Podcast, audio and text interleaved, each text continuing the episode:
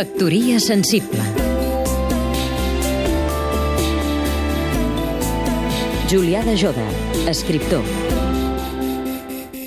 Aquest estiu he llegit El Negrero, un llibre a cavall de la biografia i la novel·la d'aventures, publicat el 1933 i reeditat per Tusquets el 1999.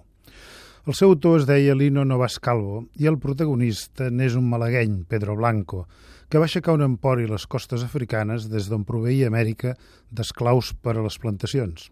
Aquest Pedro Blanco va acabar els seus dies a Barcelona, en una torre de Sant Gervasi, completament foll i acompanyat de la mòmia de la seva germana, a la qual havia deixat prenyada als 14 anys. Però aquí volia referir-me a l'escriptor Lino Novas, gallec emigrat a Cuba, home de mil oficis abans de fer-se periodista, traductor de Faulkner i Hemingway i narrador de contes que s'avancen a l'anomenat realisme màgic.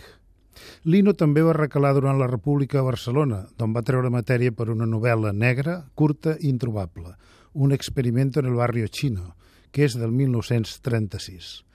Com Pedro Blanco, Lino també va perdre el cap.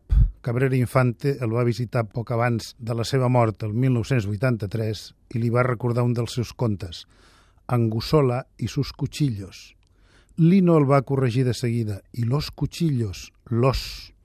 D'entre el laberint de la ment estravellada havia sorgit la naturalesa de l'escriptor, diu Cabrera Infante, en la necrològica que li va dedicar.